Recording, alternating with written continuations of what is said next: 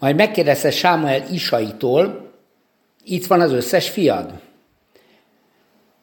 Hátra van még a legkisebb, felelte ő, de ő éppen a juhokat őrzi.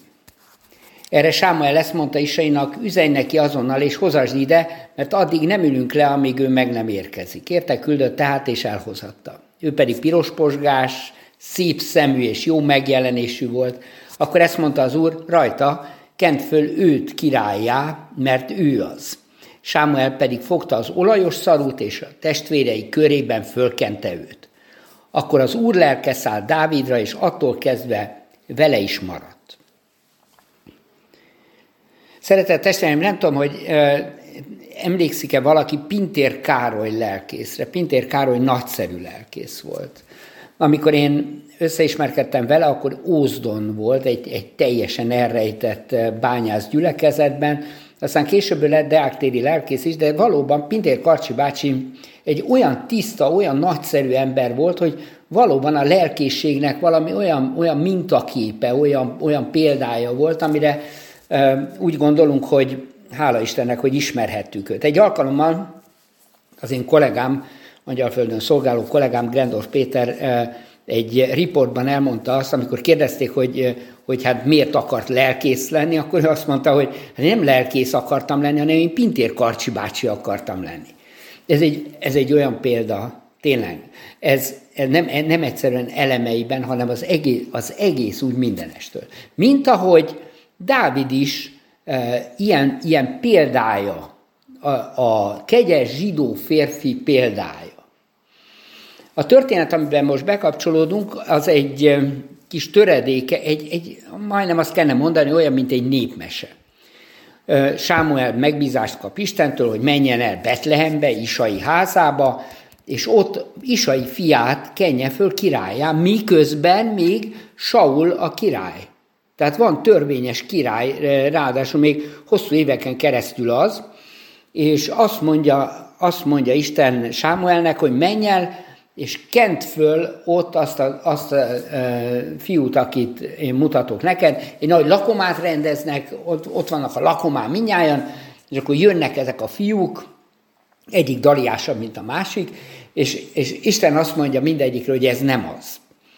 És kérdez, végén elfogynak, és akkor kérdezi e, Sámuel, hogy hát van még fiad? Azt mondja, hát van még egy e, Dávid kint a a birkákat legelteti. Behozzák, addig nem kezdjük el a lakomát, amíg be nem jön a, a fiú, bejön, és akkor azt mondja az úr, hogy hát ő az. Ugye itt, itt már bekapcsolódik a, a, a mi történetünk, piros posgás, szép szemű, jó megjelenésű, de nem ezért, hanem valami, valami másért, nem tudjuk pontosan, hogy, hogy mik az összetevők, de azt mondja az Úr, rajta kent föl őt, mert, mert ő lesz a király.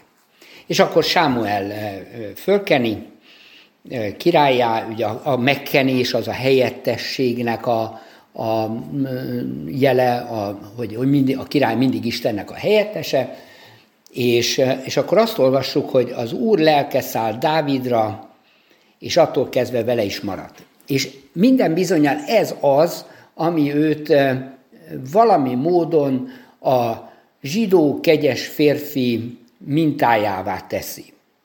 Jobban, mint ahogy eh, Gendor Péter kollégám számára Pintér Karcsi bácsi. Eh, valami olyan, amelyikben, amelyikben eh, mindig is, mindig is isteni. Ő mindig is isteni. Még a vétkeiben is, mert szörnyű vétkei vannak, de ezekben a vétkeiben is isteni. És a kegyessége abban van, hogy, hogy, hogy föl tud állni a, a legmélyebb pontról, gyilkossá lesz, durván, durván becsap embereket, szóval szörnyű dolgokat művel, de mindig, mindig valami módon helyre tud jönni, valami módon vissza tud állni, mert az Úr lelke rászállt és vele is maradt.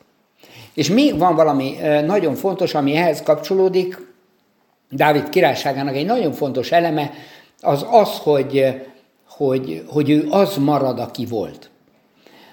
a, pásztorként legelteti a birkákat, elő is jön később ez, ez a visszaidézés, hogy, hogy én pásztor voltam az előtt, ugye például amikor a góliáttal megküzd, de, de az egész királysága olyan, mint egy, mint egy, egy pásztorság.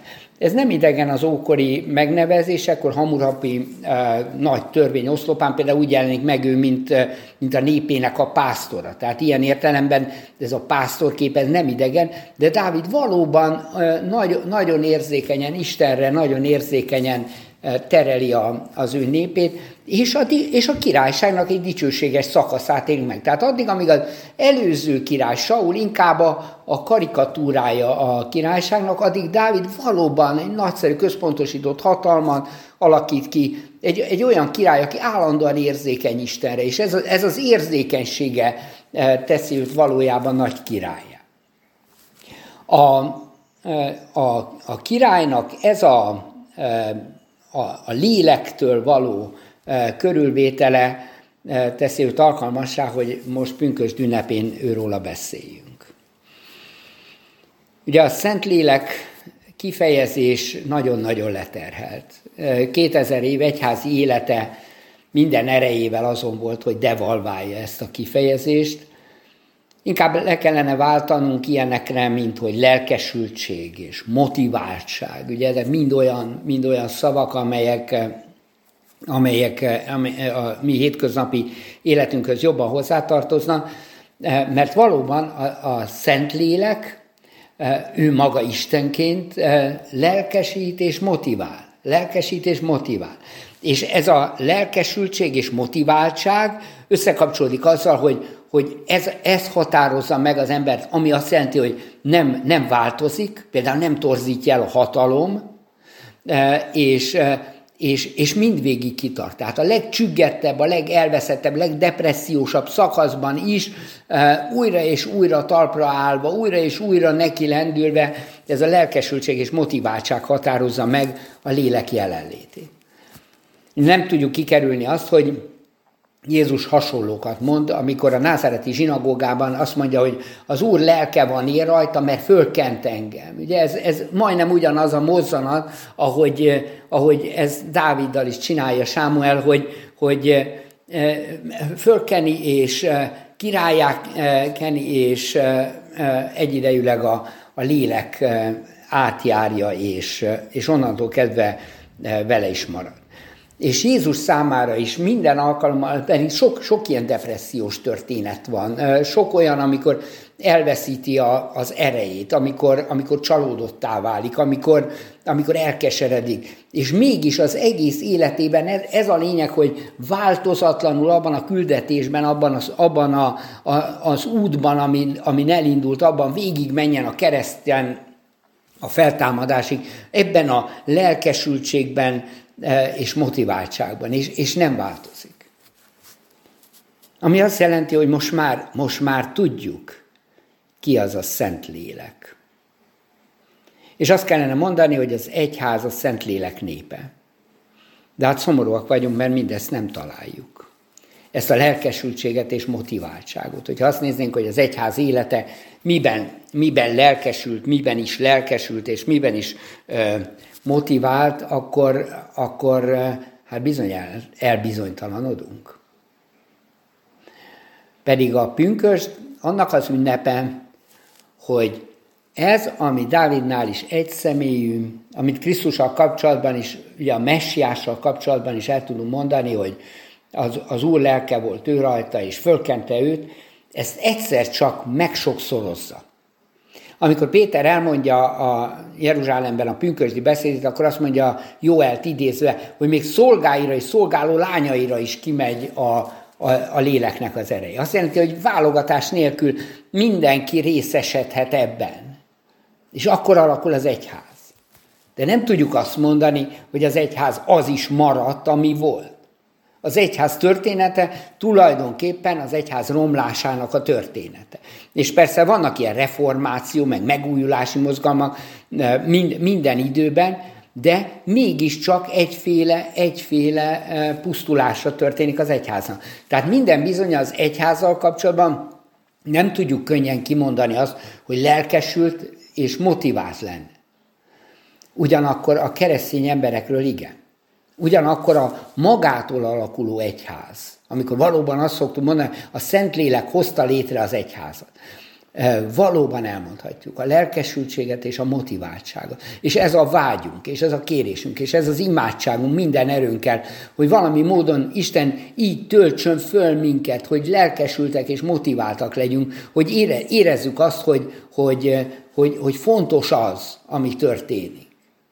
Néhány nappal ezelőtt olvastam egy cikket, amelyben egy, amelyben egy, egy német teológus arról beszél, hogy a, hogy az egyház mennyire rendszeridegen, a rendszeridegenséget nem politikai rendszerre kell érteni, hanem hogy a, világ, a világban nincsen szerepe. Nincsen szerepe. És ezt a koronavírusos járvány idején végig gondolták, hogy melyek azok, amely, amik, amelyek nem, nem rendszeridegenek, azaz, hogy tényleg részt vesznek az életben, és, és azt mondja, hogy az egyház nem az hogy az egyháznak nincsen jelentősége. Az egyháznak nincsen szerepe ebben az egészben. És, és vizsgálja azt, hogy mi az, amiben, amiben változik. Nagyon érdekes, nagyon érdekes felfedezés az, hogy a templom az igen. A templom igen. Az Isten tisztelet, a, a, a, az, az egyházi tevékenység, az nem. Az nem. Ami azt jelenti, hogy az elcsendesedésnek van helye, de a, az egyházi mondani valónak nincsen. És amikor, amikor pünköskor azt mondjuk, hogy a, a Szentlélek a lelkesültség és a motiváltságnak a, a pillanata, a Szentlélek szétosztása, a Szentlélek kitöltése, akkor, akkor hogy lehet az, hogy ez nem szólal meg a világban? És minden bizonyal, minden bizonyal valahol itt rejlik a mondani való. Mert Dávid eh, nagy király. Dávid a, a zsidó kegyes férfinak az etalonja. Dávid a, a, azt kellene mondani a zsidóság számára egy Pintér Karcsi bácsi. Tehát, tehát a, a, a, a nagyszerű. És Jézus követői vagyunk. Aki, aki ugyancsak elmondja a názáreti zsinagógából, hogy őt fölkente Isten, és, és ő, ő, ő lelkesült és motivált. És akkor itt állunk mi, és várjuk azt, hogy igen, ez, ez szeretnénk mi is lenni. Lelkesültek és motiváltak. Nem magától jön létre. Dávid nem magát keni föl, a, a, miközben a birkákot legelnek, a közben ott a, a fa alatt nem, nem magát keni föl, hanem őt Isten választja ki. Sámuel a próféta megy oda, és ő keni föl. Ami azt jelenti, hogy ajándékba kapja ezt az egészet. És ez a mi kérésünk is hogy ajándékba kaphassuk a Szentlélek erejét. Az a mi kérésünk is, hogy, hogy valami, valami módon ez, ezek szeretnénk lenni. Lelkesültek és motiváltak. És érezzük, hogy ez nem magunktól megy, hanem Isten jelenléte miatt. De a Szentlélek itt van. Mindenki kap belőle, még a szolgákra és a szolgáló lányokra is kitölti. Hogy ne kapnánk mi is belőle. Jézus azt mondja, imádságról mondod, kis példázatában, hogy hát ha kéritek, hogy ne adna nektek Isten lelket? A szent lelkét, hogy ne adná nektek? Ugye aztán a pünkösd egy nagy-nagy kiáltás. Annak a kiáltása, hogy Urunk Istenünk, tölts meg minket a lelkesültség és motiváltság lelkével, hogy hadd érezzük azt, hogy, hogy valóban Krisztus követői vagyunk. Hogy ad nekünk azt az erőt, ami, ami nem bűntelen, ami nem bűntelen erő. Olykor elbukásból áll, és olykor, olykor mérjeszállásból, de, de mindig újra és újra változatlanul végig megy a te utadon. Pünkösd van. Ez a csodálatos erő, Isten lelke itt van velünk, és nem hagy el minket, és velünk marad. Szent lelkedért könyörgünk, ne hagyj el minket, Urunk Istenünk. Tölts föl minket lelkesültséggel, motiváltsággal, ha tudjuk, mik a feladataink. Engedd tudnunk azt, hogy nem hagysz minket magunkra ebben sem, hiszen kiválasztottál, minnyájunkat kiválasztottál, és senkit nem hagysz lelked nélkül. Amen.